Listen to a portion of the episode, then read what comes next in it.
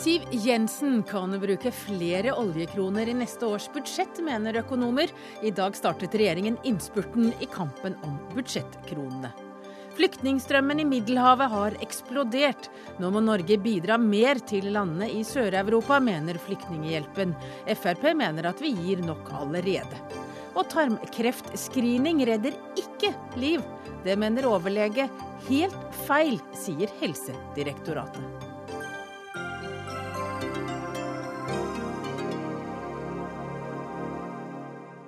Ja, det er noen av sakene i Dagsnytt 18 i kveld. Jeg heter Hege Holm, og før sju så rekker vi også å snakke om Churchill og dataangrepene som truer olje- og energibransjen.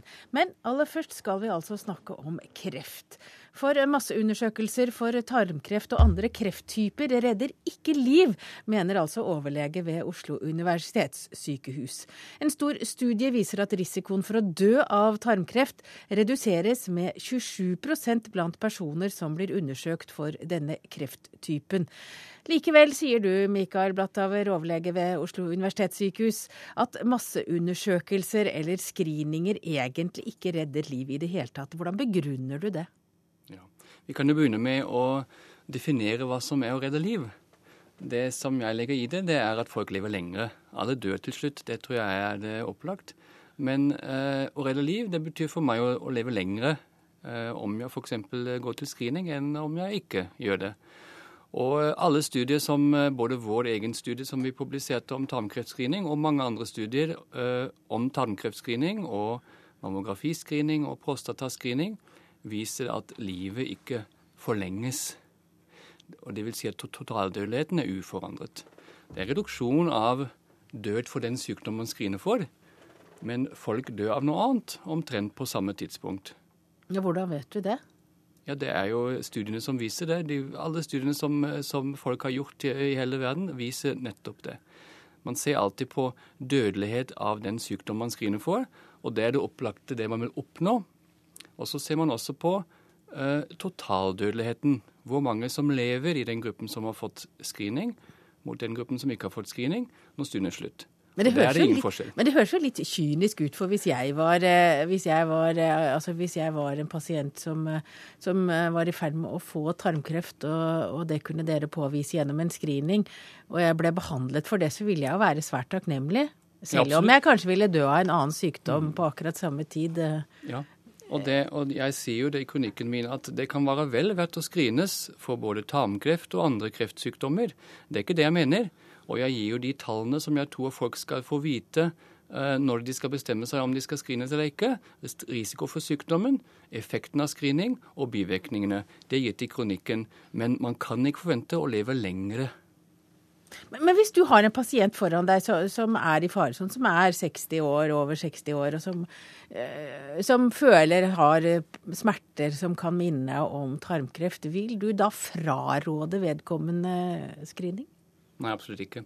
Altså, Screening eh, gjøres eh, ikke på pasienter med symptomer. Pasienter som har plager som kan tyde på kreft, de skal undersøkes. Dette er ikke screening. Screening er undersøkelse av friske mennesker i hvert fall folk som ikke har plager. Det er to helt forskjellige ting.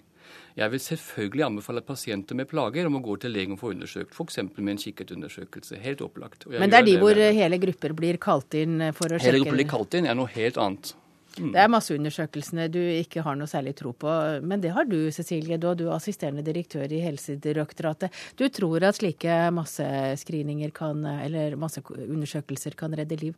Jeg vil nok være enda mer kraftfull enn å si at jeg tror.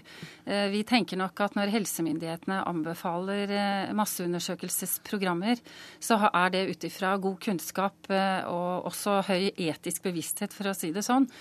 Så vi prøver da å bruke den beste fagligheten vi kan, kan, fremskaffe, før vi kommer med disse anbefalingene. Vel vitende om at den diskusjonen som retthaver trekker opp, som er veldig viktig, det er at denne type masseundersøkelser også har viktige bivirkninger, og det er viktig med klar informasjon til befolkningen, så de vet hva de kan forvente seg når de deltar i denne type undersøkelser. Så vil jeg også si at eh, Bretthaver konsentrerer seg jo om masseundersøkelser på kreftområdet, men vi eh, har jo masseundersøkelser på veldig mange forskjellige områder som vi har underkastet samme vurderinger. altså Helt fra man er nyfødt eh, frem til eh, nær sagt avslutningen av livet, så tilbyr man jo undersøkelser ikke bare for å avdekke sykdom med tanke på å forebygge død, men også forebygge uheldig, langvarig sykdom, komplisert behandling. Vi ønsker at folk skal også kunne leve lenger med kreft og med god livskvalitet. Men er du uenig i det han sier, at ved masseundersøkelser så viser det seg at de som, eh, de som lot seg undersøke, levde jo ikke noe særlig lenger enn eh, de som ikke gjorde det? Jeg tror kanskje at uh, total dødelighet, altså total livslengde, er veldig krevende å bruke som mål på denne type masseundersøkelser. fordi tross alt så dør vi av så veldig mange ulike sykdommer, hvor de fire store folkehelseutfordringene jo ikke bare er kreft, det er en av dem, men det er hjerte-kar, det er diabetes og det er kols i tillegg, gjør at når man begynner å undersøke bestemte kreftformer, så kan man ikke ha som mål å påvirke totaldødeligheten. Nei, og det er den du snakker om? Eh. Det er nettopp den jeg snakker om, og jeg er helt enig med Dåre. Både at det kan være lurt å skrine, og at det er vanskelig å påvise forskjell i totaldødelighet. Men poenget mitt er at da skal man ikke si at man redder liv. Poenget mitt er at vi skal ikke overselge våre anbefalinger om screening. Vi skal ikke si at vi redder liv, vi skal si at vi kan forhindre død av tarmkreft med tarmkreftscreening. Men det er jo vi... sånn som vi sier uh, folkelig, at da redder du liv. ja, å redde liv er kanskje noe av det sterkeste Eh, virkemidler vi kan bruke både som helsemyndighet og som medisinere. Det er veldig sterkt. Det skaper, det skaper, store forventninger. Det skaper også engstelse, fordi at hvis jeg ikke går dit, så vil jeg ikke redde livet mitt. Det skaper negative forventninger. Det vil si at man lokker folk til screening ved å si at du kan redde livet ditt ved å gå dit. Og det er overselging som jeg tror ikke eh, noen er kjent med. Vi er i hvert fall enig i at det er viktig med balansert uh, informasjon. Og så er vi opptatt av at befolkningen nå ikke blir i tvil om hva de skal gjøre. Men overselger dere budskapet? Nei, når det gjelder tarmkreft, som du uh, tenker gjennom nå og trekker frem, så er jo det foreløpig en pilotundersøkelse i Norge. Det er mange andre land som har valgt å innføre det som masseundersøkelser. I Norge har vi en veldig tung samfunnsmedisinsk tradisjon, hvor vi er veldig kritiske til å gjøre hele befolkningen til risikoutsatte personer. ikke sant? Det er friske personer vi undersøker som ikke skal bli engstelige og, og urolige. Så jeg tror vi er ganske forsiktige og balanserte i dette. Er vi ikke det, så har vi nå en hel uh, høring som går på hvordan vi skal styre hele screeningfeltet nasjonalt ute, med frist uh, eh, 10.9. Så Bretthaver og andre er veldig velkomne til å komme og gi oss gode innspill der for at vi kan gjøre disse tingene enda bedre. Men det er jo en ting til her. Det er et aspekt til ved at eh, jeg vil jo tro at masseundersøkelser koster ganske mange penger. Store ressurser som brukes til det. Mener du det er feil bruk av ressurser, Blattauer? Ikke nødvendigvis. Jeg tror at man skal, eh, man skal sammenligne de absolutte effektene av screeningundersøkelse. og er, Da tror jeg man må bruke tall som vi har vært lite flinke å bruke. og Da mener jeg ikke nødvendigvis direktoratet, men oss alle som gir anbefalinger, både legene og Kreftforeningen, eh, Kreftregisteret og andre, bruker de absolutte tallene. F.eks. hva er min risiko for å få tarmkreft? Det er 5 hva er min effekt av screening? Det er 1 Det vil si at jeg går fra 5% risiko til 4 Det er de tallene jeg ønsker at befolkningen skal få vite, og så kan folk velge selv om de vil gå til screening eller ikke. Jeg tror kanskje vi skal tilby det. Men så skal vi legge fram tallene på en, eh, på en avbalansert måte, og så må folk velge selv. Og så må du altså ikke si at vi kan redde livet ditt. Nei, jeg tror det er feil. Jeg tror det er å overselge ting, og det tror jeg i lange løpet lønner seg ikke, for folk blir skeptiske med god grunn. Men har folk en sånn ø, prosentforhold til helsa si? Jeg tror at de fleste vil forstå uh, hva som er å gå fra 5 til 4% Jeg tror det å, å, si at vi ikke kan komme med sånne tall, er å undervurdere befolkningen og deres kunnskap. Da får vi se hva som skjer. Det er det i hvert fall ikke helt enighet i miljøet om uh, hva man skal bruke resultatet til. Takk til Cecilie Daa fra Helsedirektoratet og Mikael Blatthaver, professor uh, ved Universitetssykehuset i Oslo. Dagsnytt 18 alle hverdager klokka 18. På NRK P2 og NRK2.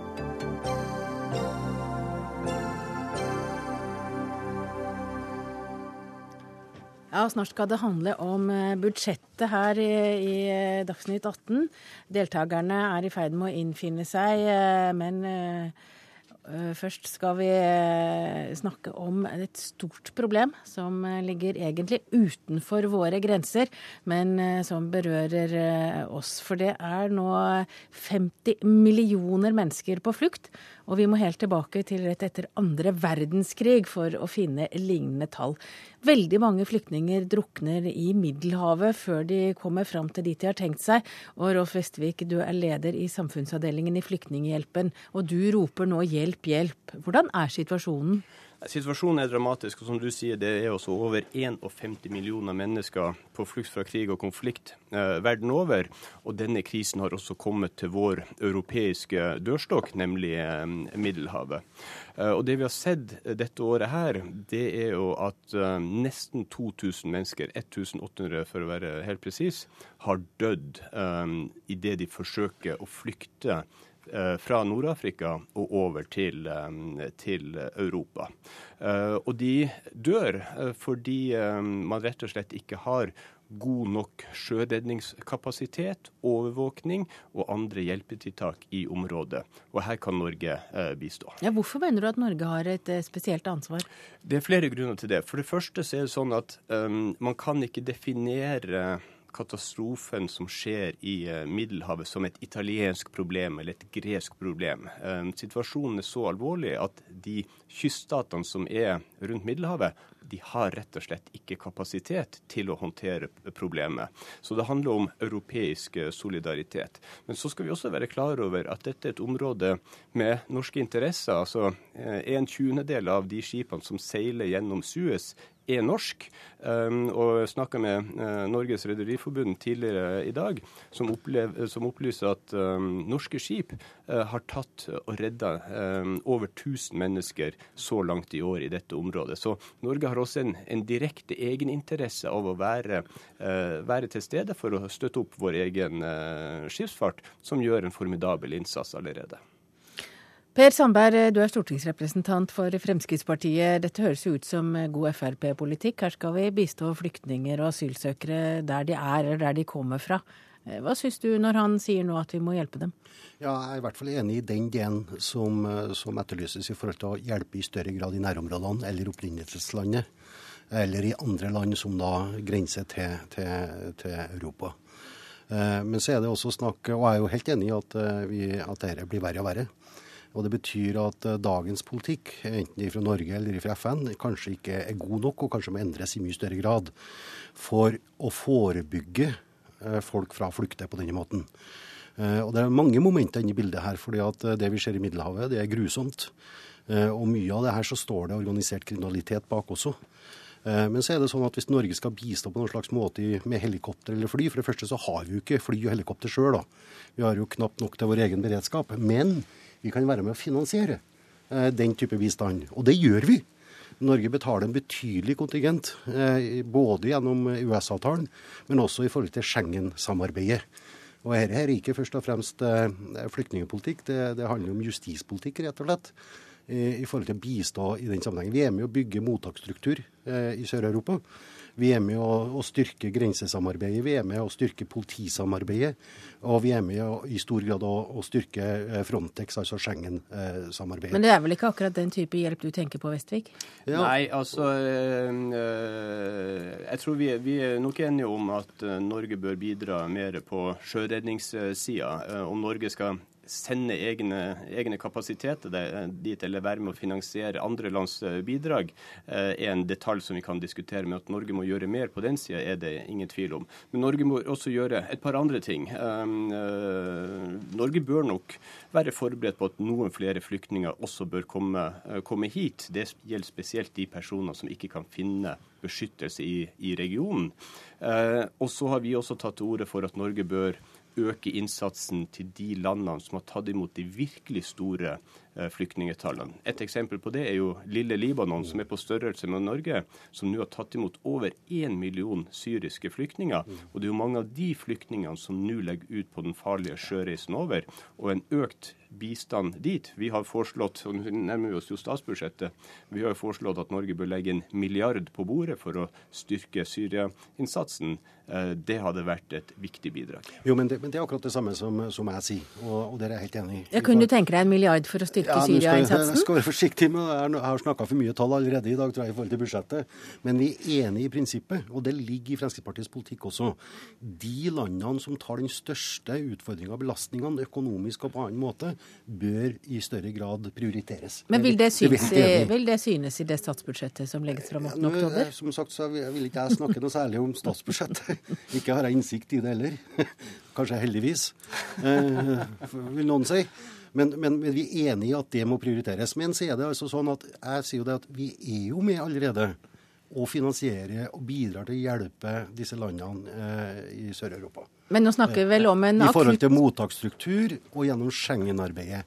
Og jeg har jo tidligere sagt, da ble jeg jo kritisert for det også, det var senest i juni i fjor, tror jeg, så mener jeg faktisk at Norge bør ta et større ansvar i forhold til Frontex og Schengen. I forhold til den kontingenten vi allerede betaler inn, så bør kanskje Norge ta et betydelig større ansvar i forhold til de grenseutfordringene vi ser. Ja, Bård Vegar Solhjell, du er stortingsrepresentant for SV. Her kan du vel nesten skrive under på alt Per Sandberg sier? Ja, alt han sier Alt han sier nå, det er bare at han gjør jo det stikk motsatte. Men la meg bare kort si, hvis det finnes ett år i vår levetid, alle vi som sitter her nå, der vi skal gjøre ekstra my mye for bistand og flyktninger, så er det i år. Vi er det verste året med internasjonale kriser og flyktninger i nyere tid. Det er alvoret i situasjonen. Så er det forvirrende å høre på Per Sandberg, fordi han er for alt i det studioet her. Men la oss ta liksom realitetene. Nei, jeg- jeg, jeg- Nei, Per er Sandberg, per Sandberg, per Ja, nå, nå, er det, nå er det Solhjell. Forslag om en milliard til Syria, som fikk brei støtte av organisasjoner og av mange partier i Stortinget. Regjeringa gikk imot. Det kunne vært et enormt håndslag for Syria og Irak. Forslag om å ta imot litt flere flyktninger i Norge, det gikk de imot når det kom opp. Så kommer Flyktninghjelpen med et viktig konstruktivt tredje forslag, nemlig å bidra med redningstjeneste, med finansiering, med hjelp til Italia og andre land i Middelhavet, som nå tar den krisa som òg handler om oss. Så la meg, og, og, og igjen så er Per Sandberg positiv i teorien, men la meg derfor spørre, da. Er Fremskrittspartiet innstilt på å slåss for økte bevilgninger og praktisk støtte der til det, sa- eh, til det Flyktninghjelpen foreslår? Ja, jeg skal gjenta en gang til. Ja, Du sier at vi gir mye gjennom EØS, men er du interessert i å gi ekstramidler nå? Og så sier jeg at eh, jeg eh, og Fremskrittspartiet ønsker å gjøre noe med dagens flyktningpolitikk. Og det er klart at, og da er jeg helt enig i at de landene nå altså Det ligger jo implisitt i det. Når Fremskrittspartiet sier at vi ønsker å øke bistand til nærområdene, opprinnelseslandet, så betyr det at Det er jo ikke sant så- at dere ønsker å øke så, bistand. For du er ute og foreslår kutt i bistanden, du, i avisene bare for dager skal jeg siden. få- Skal jeg få snakke nå, eller? Det, nå skal du få snakke. Ja. etter jeg har sagt det. For det første så er forskjell på å kutte antall land som, eh, som regjeringserklæringa har eh, slått fast, og som jeg tok opp.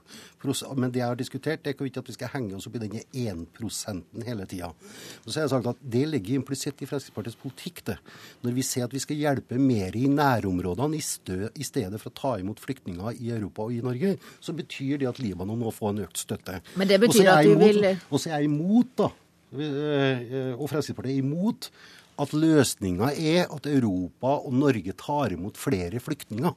Fordi at hvis man nå løser opp den store flyktningstrømmen nå, og gir et aksept og be, mer bistand i forhold til at alle skal få opphold, eller flere skal få opphold, ja, da stopper vi i hvert fall ikke denne flyktningstrømmen. Og da stopper vi i hvert fall ikke den organiserte kriminaliteten som ligger bra bak, og, og hjelper disse menneskene som allerede er ute i en tragisk situasjon.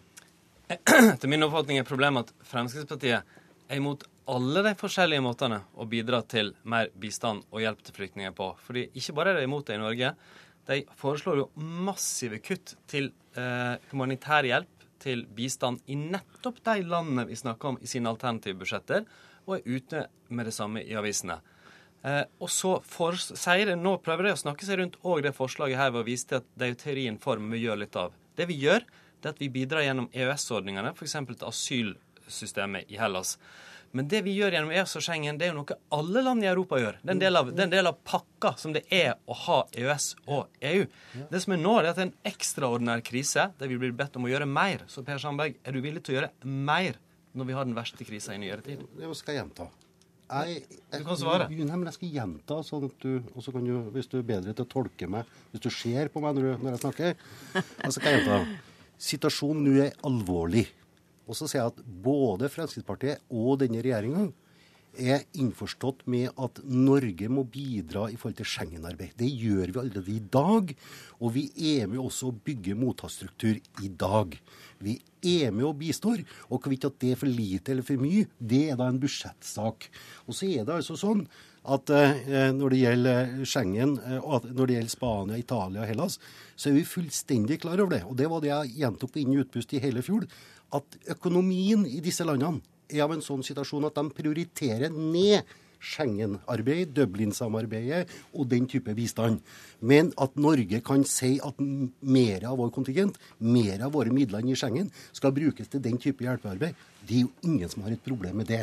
Men hvis, hvis Solhjell snakker om å bruke en milliard til, eller milliard to eller tre, hvorfor gjorde han ikke det da gjennom de åtte årene han satt i regjering sjøl, da?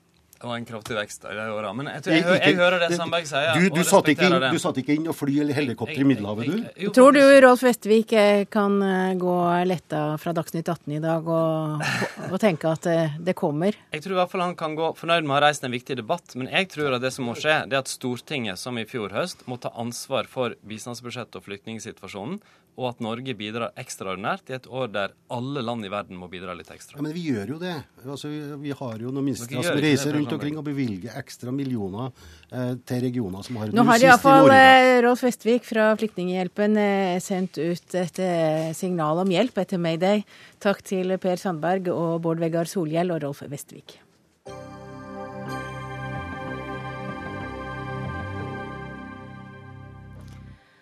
Ja, i dag startet statsrådene det avgjørende slaget om kronene i neste års statsbudsjett. Og skal vi tro lekkasjer, legger Siv Jensen opp til å bruke omtrent den samme prosentandelen av oljefondet som den forrige regjeringen gjorde. Men det betyr at det blir mer mye milliarder å rutte med, for oljefondet har vokst siden sist. Finansministeren ønsker kraftige kutt i formuesskatten, ønsker økt tollfri grense på netthandel, fjerning av årsavgift på moped, campingtilhengere. Altså det er tilhengere med telt på, og traktorer ifølge VG. Og det er de lekkasjene som har kommet til nå. Sveinung Rotevatn, du er stortingsrepresentant for Venstre. Regjeringen trenger jo deres støtte for neste års budsjett. Hva, hva, hvordan syns du det høres ut, det som er kjent av budsjettets innhold til nå?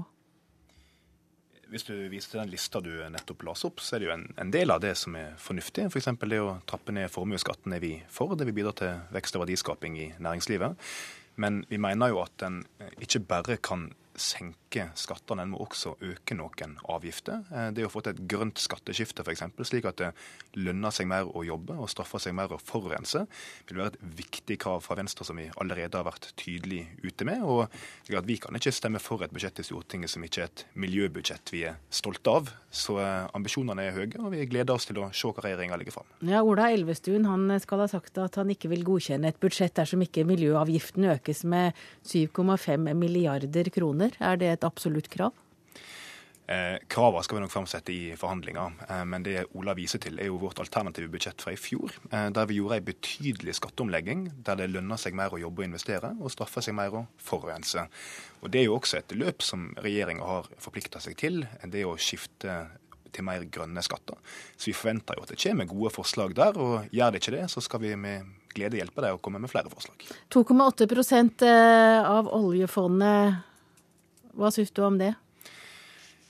Er det Venstre greit? Mener jo at vi burde senke handlingsregelen. Eh, det å bruke 4% ikke sånn slik den tillater i dag, det vil være altfor mye. Så vi bør orientere oss rundt 3 Det er jo lenge siden noen har gjort, da. Ja, En har vært ansvarlige nå heldigvis, i alle fall det siste året. Eh, jeg mener nok en bør ligge betydelig under 3% men det er ikke bare prosenten som betyr noe, det er jo også hva du bruker pengene på. Eh, og bruker du mange mange oljemilliarder på eh, lite fornuftige ting, så er ikke det noe vi støtter. Men bruker du det på satsing på forskning og kunnskap, på infrastruktur og på vekstfremmende skattelettelser, slik handlingsregelen legger opp til, så kan vi være med på det. Ja, Så du kan godt være med på opptil 3% Vi må se hva pengebruken er. Men det viktige er at det er ansvarlig. Og vi må huske at oljefondet blir jo større og større. Slik at det er nesten ikke så veldig interessant å snakke om prosenter ja, lenger. Nå er det hvor mange milliarder det er snakk om, og vi kan ikke gjøre oss for oljeavhengige. Det er det ingen som tjener på. Hans Olav Syversen, eh, du tilhører også et av støttepartiene. Du tilhører KrF.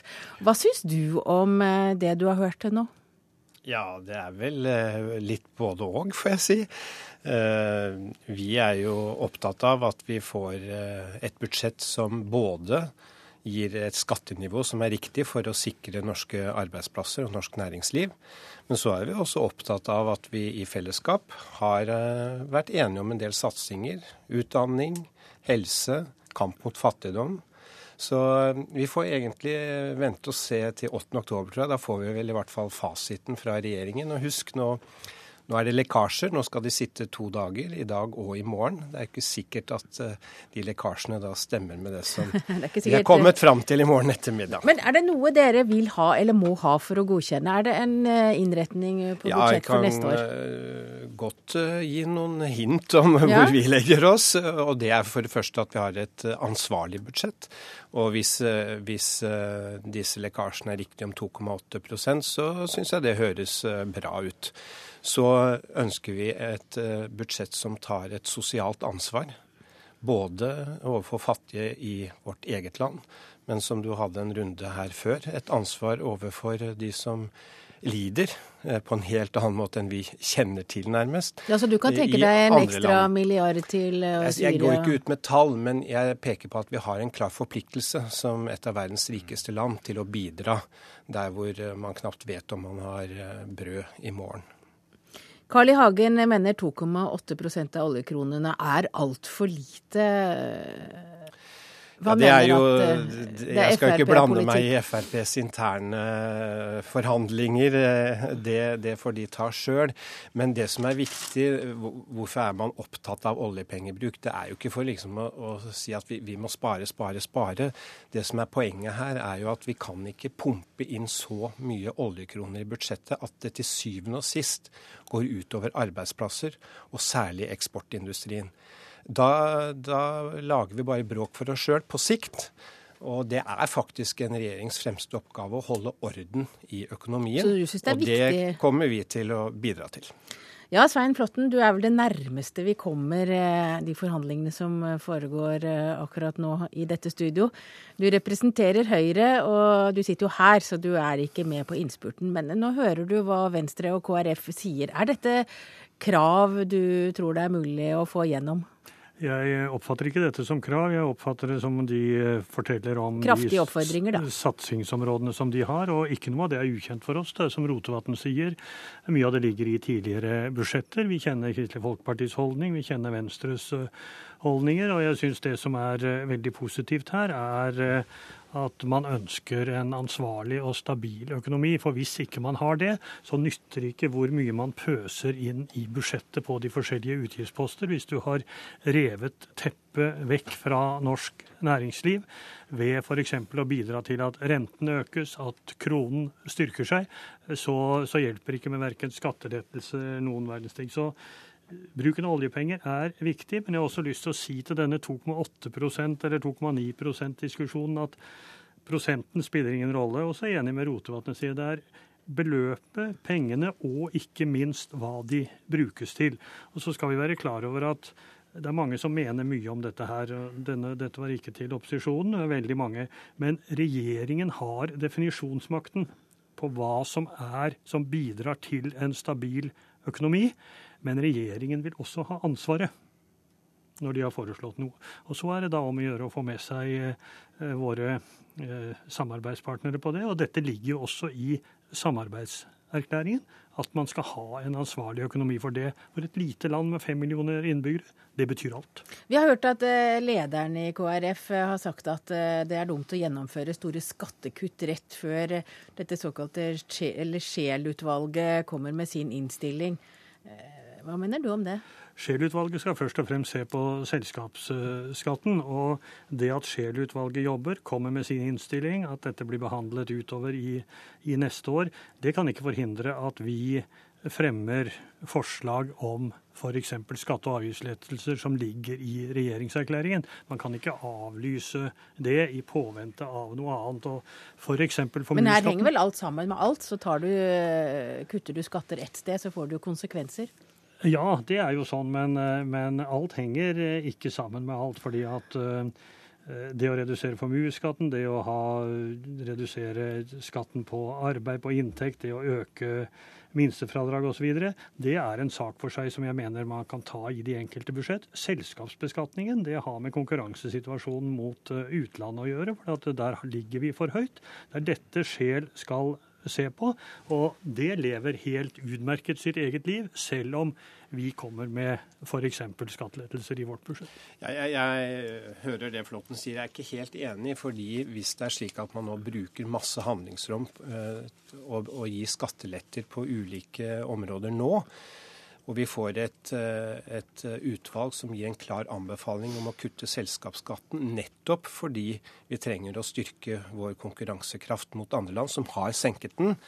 Så det er klart da, Hvis vi har brukt opp rommet på forhånd, så blir det jo mye tyngre å få en enighet om eh, kutt i selskapsskatten. Så eh, det lever ikke helt sitt eget liv, etter min mening. Eh, men selvfølgelig justeringer i, eh, i skattesatser osv. Det, det skal selvfølgelig enhver regjering kunne fremme. Så får vi se. Eh, jeg oppfattet også at finansministeren nå i ettermiddag har sagt at noen strukturelle betydelige endringer kommer ikke på tale før Scheel-utvalget fremmer sin innstilling, og det syns jeg er et veldig positivt signal. Og det skjer signal. i desember? Vi trenger ikke vente på noe utvalg for å vite at vi eh, må sørge for at det koster mye mer å forurense, f.eks. Eh, klimakrisa eh, venter ikke på noe utvalg. slik at en del skatte- og avgiftsendringer er det helt åpenbart at en må gjøre nå.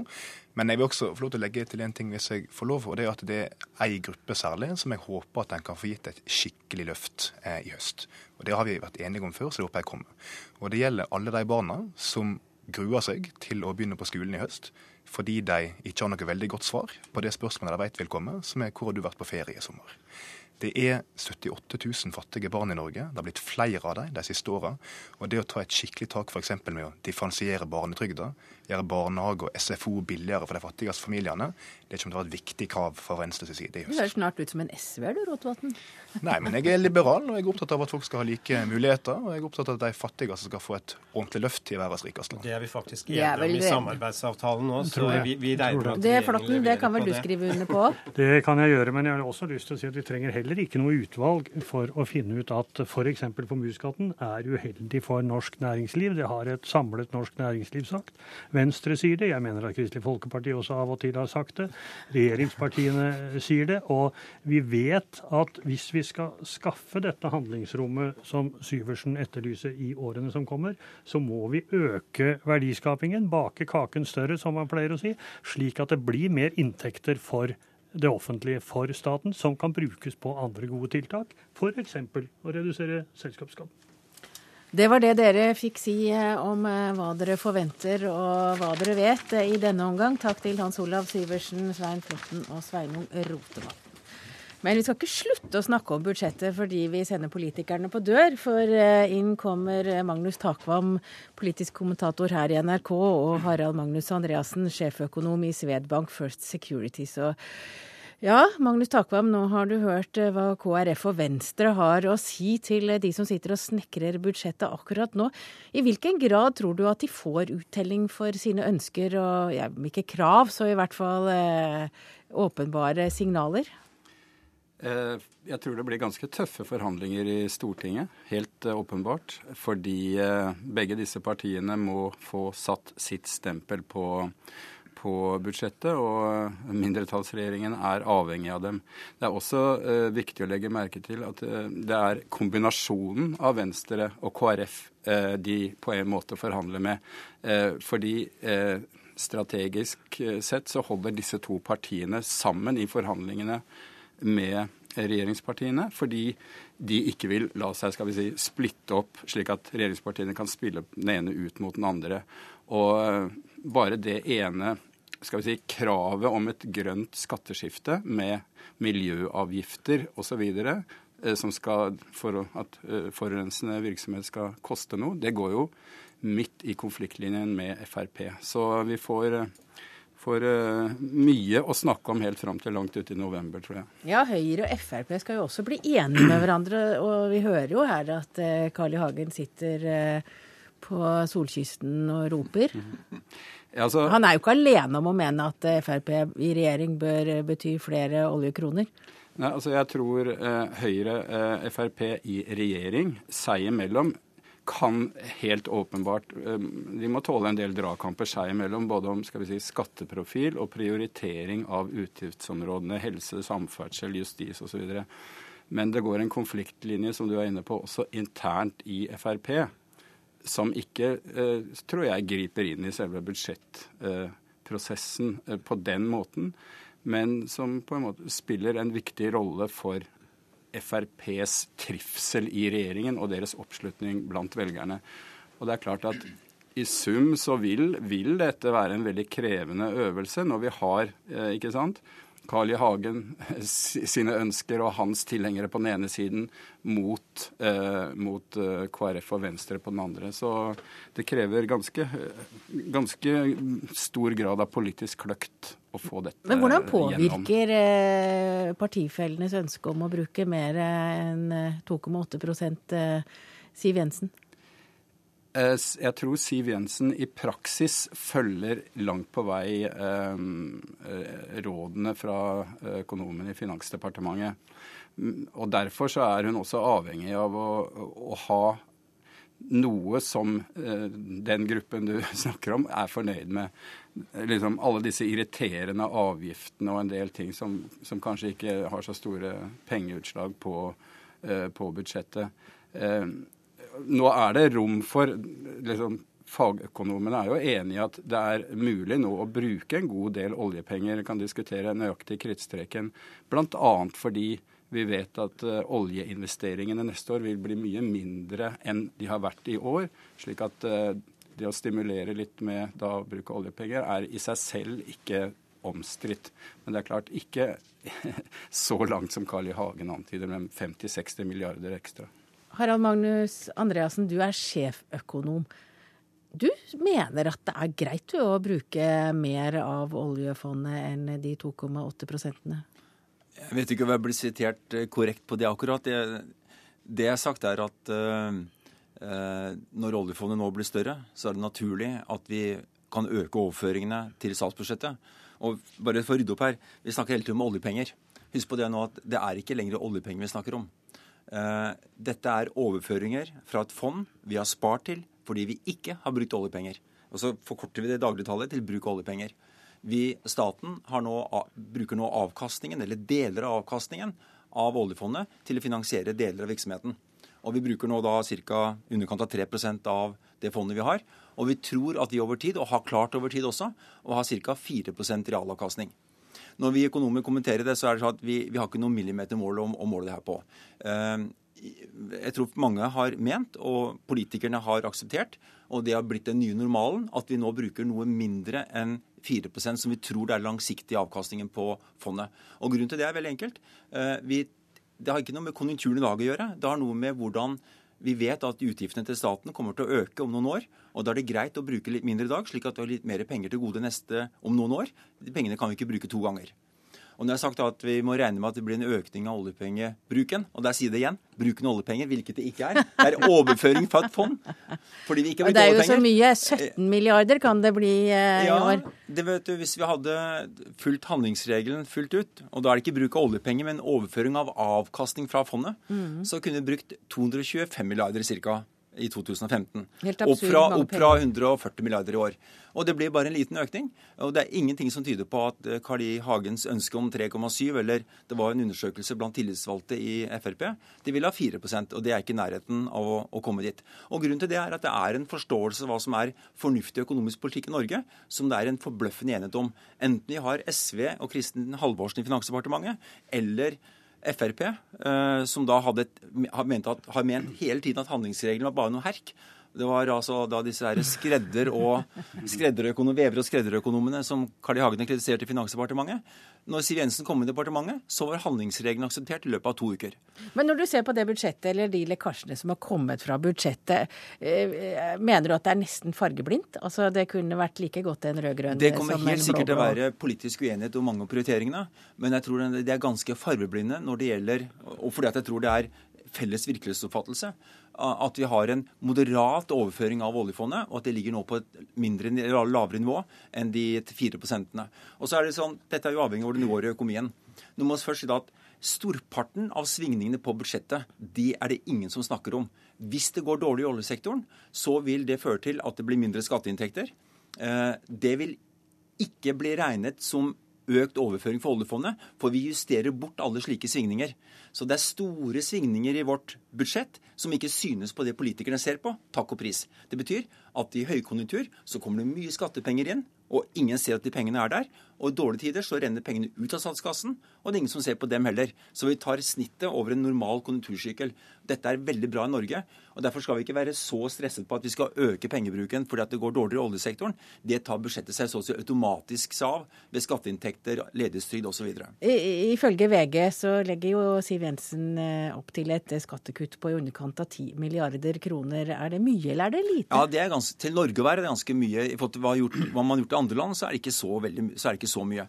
Men i norsk sammenheng så er det mye. og jeg tviler vel kanskje på at beløpet blir fullt så stort, gitt de rammene som nå er nevnt, eh, på en økning eller overføring for oljefondet, en økning i overføring for oljefondet på ca. 20 milliarder.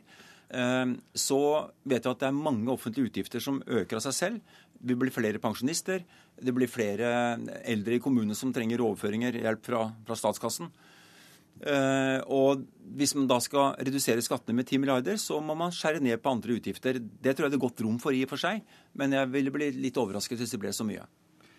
Ja, det er riktig. Det, det pleier å være eh, la oss si, rundt 10-11 milliarder ekstra i utgifter via folketrygden, som da spiser av det handlingsrommet på rundt 20 milliarder. Og faktisk en 4-5 pga. Ja. økte kostnader i kommunene som staten ja. dekker. Så det, er, det blir ikke så veldig mye igjen å spille på. Så det er klart at som jeg var inne på helt til å begynne med, så blir det en knallhard kamp om eh, prioritering mellom ulike områder. For regjeringen har jo tross alt lovet satsing eh, på veldig mange, mange sektorer. Og vi som sitter her i studio, vi syns jo det er litt gøy. Takk til Magnus Takvam og Harald Magnus Andreassen. Hør Dagsnytt 18 når du vil. Radio NRK.no. Ja, nå skal eh, det handle om eh, britenes tidligere statsminister Winston Churchill. We shall fight on the beaches. We shall fight on the landing grounds. We shall fight in the fields and in the streets. We shall fight in the hills. We shall never surrender. Ja, her hørte vi Churchill fra en av hans mest berømte taler i 4.6.1940. I dag kom boka 'Ung gigant', Winston Churchill og opptakten til første verdenskrig. Den som har skrevet boka, det er deg, Jon Hustad. Churchill er jo altså mest kjent som statsminister under andre verdenskrig. Nå har du skrevet en bok om denne mannen fram til første verdenskrig. Hvorfor det? Det er, jo, jo noe som har skapt den eldre Churchill som vi kjenner. og Det er jo ungdomstida hans og den karrieren han hadde før første verdenskrig. Og Det var den bratteste og mest vellykka karrieren i britisk politisk historie. Han var en superkjendis à la David Beckham. Han var verdens best betalte journalist. Han var med i fire kriger.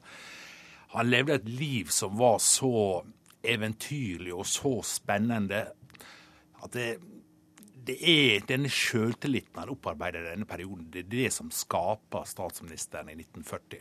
Og det er det som har tjent deg? Ja, jeg var jo oppe på fødestedet hans da jeg bodde i England i 2008, Blenheim, eh, Storbritannias nest største palass. Og det ble jo gitt til eh, John Churchill, hans ja, tipp-tipp-tippoldefar, av dronninga i 1704 fordi han var den største feltherren i britisk historie. Og Churchill levde i dette miljøet. Og det skapte et eh, fenomenalt interessant menneske. Jeg kan ikke si annet. Så ble han eh, marineminister før eh, første verdenskrig og har ansvar for verdens største forsvarsbudsjett. 500 milliarder norske kroner i dagens penger. Og han gjorde fantastiske ting. Ja, altså Før han fylte 30, så har du skrevet han har deltatt i fire kriger. Han er beskutt 50 ganger, har gitt ut flere bestselgere, og som du sa, han var, en, han var vel verdens best betalte journalist. Men hvis vi starter med begynnelsen, da. Han var jo ordentlig puslete barn. Han var jo ikke noe varsking, han var fryktelig avhengig av moren sin. Han hadde et litt vanskelig hjem. Han, eh, han klarte seg ikke så bra på skolen. Litt vanskelig hjem er vel en eh, såkalt underdrivelse. Faren døde av syfilis da han var 45, og mora hadde over 100 elskere, og de neglisjerte sønnen godt, grundig og konsekvent. Og han ble oppdratt av en stakkars nanny og ble sendt av gårde på kostskole. Han var sju år og var sjukelig, hadde feber og sleit og sleit og sleit. Men skjøtelite hadde han.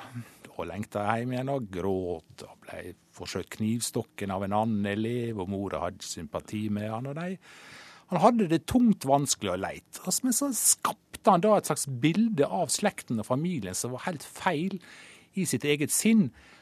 Et heroisk verdensbilde der Marlboroene, som han var en del av, altså Churchill-slekta, var de store heltene og vinnerne i historien. Men det var jo ikke sant. da. Forfaren Jon Churchill var en vinner, resten var narkomane, alkoholikere og tapere, alle sammen. Men det, hvor snudde det for denne lille stakkarslige Winston? Det snudde da han ble sendt til kavaleriet som, eh, som 18-19-åring. Og der fikk han utdanning. Der eh, lærte han seg å ri. Han ble en veldig god polospiller. Og så havna han jo da i krig etter krig etter krig. Og han elsker krig. Og Det som er spesielt med han, er jo at han ikke er redd. ikke sant? De skildrer han, alle som er med i disse ulike krigene, at han står jo der under ilden og plystrer og har det kort sagt kjekt. Og som han sa etter den første krigen han var med på Cuba, at det er ingenting som er så sinnsoppløftende som blir skutt på uten å bli truffet. Men, men, Jon Hustad, altså det, altså det, er, skrevet hundrevis av bøker om Churchill. Det er over fem millioner Google-treff. Hva er det du har funnet ut om Winston Churchill som ikke noen har funnet ut før deg? Jeg har ikke funnet ut noe som ingen har funnet ut, men det jeg prøver å gjøre, er jo å skildre han gjennom norske øyne. I den forstand at når du leser en Churchill-bok, en britisk Churchill-bok, så er det mye som er innforstått. Men briter vet ikke om 1814, på lik linje med at vi ikke vet om det store problemet som det irske spørsmålet skapte for Storbritannia. Så jeg prøver å gi et bakteppe. Og i tillegg så er det jo 100 år nå siden første verdenskrig brøt ut i disse dager. Og jeg prøver å forklare hvorfor vi fikk første verdenskrig, og hva effekter dette hadde på Europa generelt. Og så bruker du Winston Churchill. Ja. Fordi Winston Churchill er jo avgjørende for å få britene tidlig med i krigen. Utrolig ivrig på at britene skal bli med. Og den moderniseringa han gjennomførte av den britiske marinen i rustningskappløpet med keiser Wilhelm og Tyskland, gjorde jo Det var et nesten avgjørende bidrag til den allierte seieren. Det var blokaden av Tyskland. Forsøk på å svelte det ut. Og dette makta Storbritannia takket være denne enorme, effektive og moderne marinen som Churchill hadde vært med å skape. Men, men, hvordan ble han en leder som klarte å overbevise Han hadde denne utrolige retoriske krafta som han Han jobba jo hardt og tydelig med det. Han var, han ble, faren hans var jo et stort politisk talent, men han hadde dårlig dømmekraft. Men farens eksempel som taler inspirerte da denne guttungen til å lese. Og I tillegg så hadde han fotografisk minne og øvde seg timevis etter timevis på å holde tale. Og som han sa sjøl, at i valget mellom et kort og et langt ord, skal du velge et kort ord. I valget mellom et nytt og et gammelt, skal du velge et gammelt. Så han, han snakka på vegne av imperiet på mange måter, og veldig effektivt. Og talen hans er jo strålende. Og så er jo han en genial skribent også. da. Og har skiftet partiordene flere ganger. Han sa jo til og med at enhver kan skifte parti, men det kreves en viss kløkt å skifte tilbake, slik som han gjorde. Men altså, boka de slutter jo med at det sa stopp. Det skjedde noe. Det var flere turning point i Winston Churchills liv.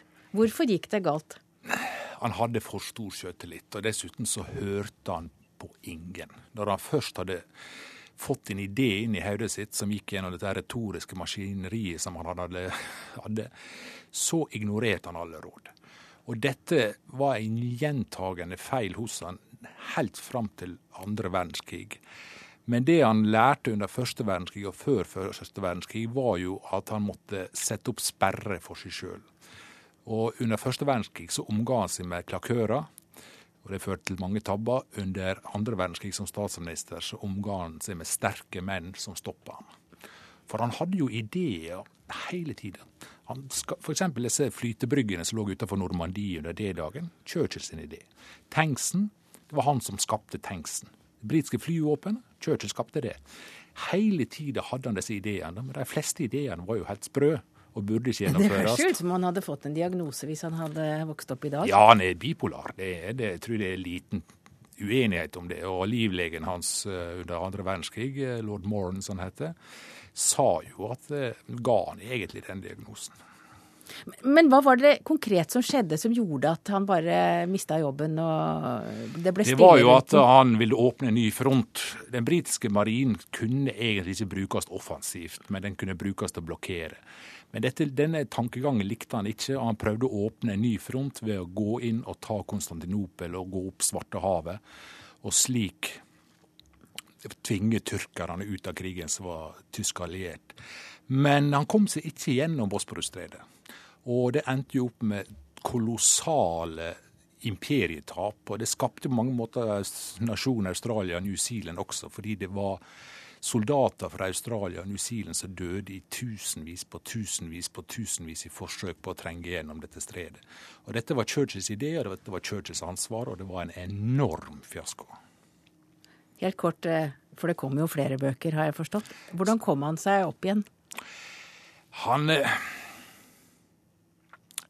ren og skjær livskraft. Og så er det en fordel ved å være manisk depressiv. Da. Det er jo at når du er manisk, så er du på topp. Og det var altså kortformen av Winston Churchills unge år. Eh, Jon Hustad, du har sagt du skal skrive flere bøker. Eh, Takk for at du kom.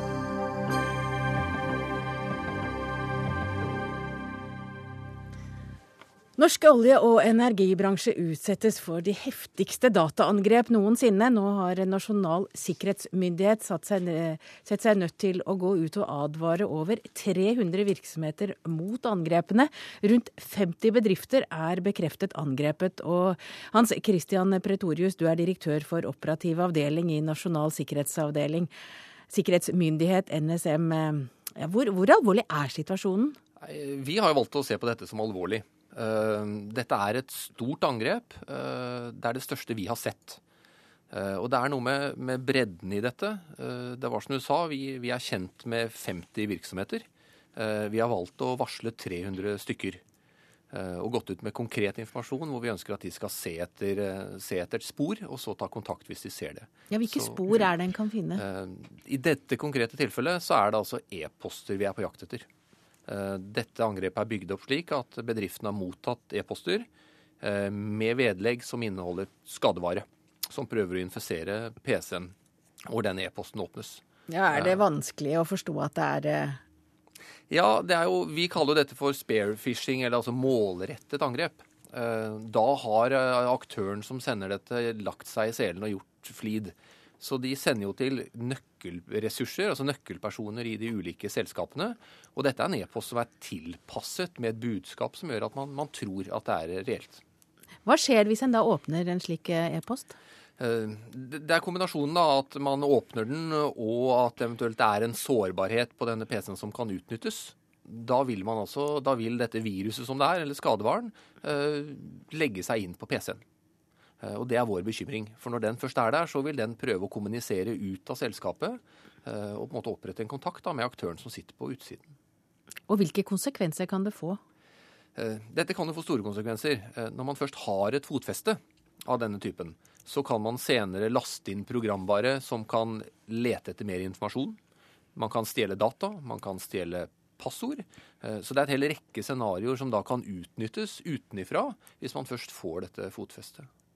Men, men er det sånn, altså vi hører jo at det er olje- og energibransje. Er det sånn at det kan kutte strømmen, at det kan gjøre skade? Eh, I dette tilfellet, og så er vel svaret foreløpig, så er det nei. Her har vi evnet å oppdage og varsle tidlig.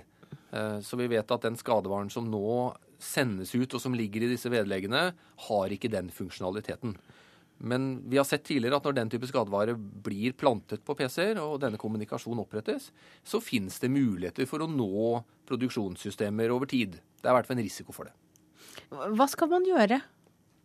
Eh, Bortsett fra å prøve å oppdage mistenkelig Vi har jo konkret da bedt de lete etter spor, eh, for nå vet vi hva vi ser etter.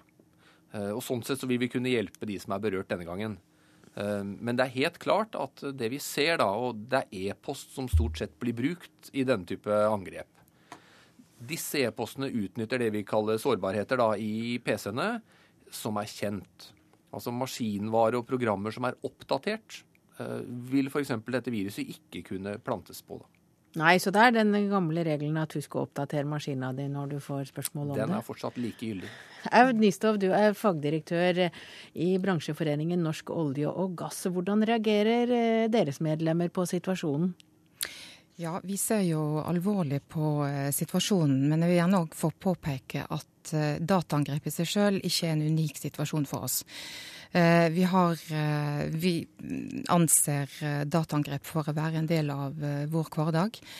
Det som vel er spesielt med denne situasjonen, er omfanget, altså antall virksomheter som er angrepet. Og som jeg også har forstått, at det er også et relativt avansert verktøy eller skadevare som er knytta opp mot eh, disse e-postene. Og det gjør jo situasjonen eh, mer alvorlig kanskje enn det vi ser i, i den vanlige hverdagen. Ja, hva gjør dere? Hva sier dere til medlemmene? Vi har et tett samarbeid med aktuelle myndigheter, i dette tilfellet Nasjonal sikkerhetsmyndighet, NorCERT og Petroleumstilsynet. Og næringen forholder seg til enhver til til de råd og anbefalinger som vi får fra myndighetene. Men, men du sier jo nesten at dette er hverdagen vår.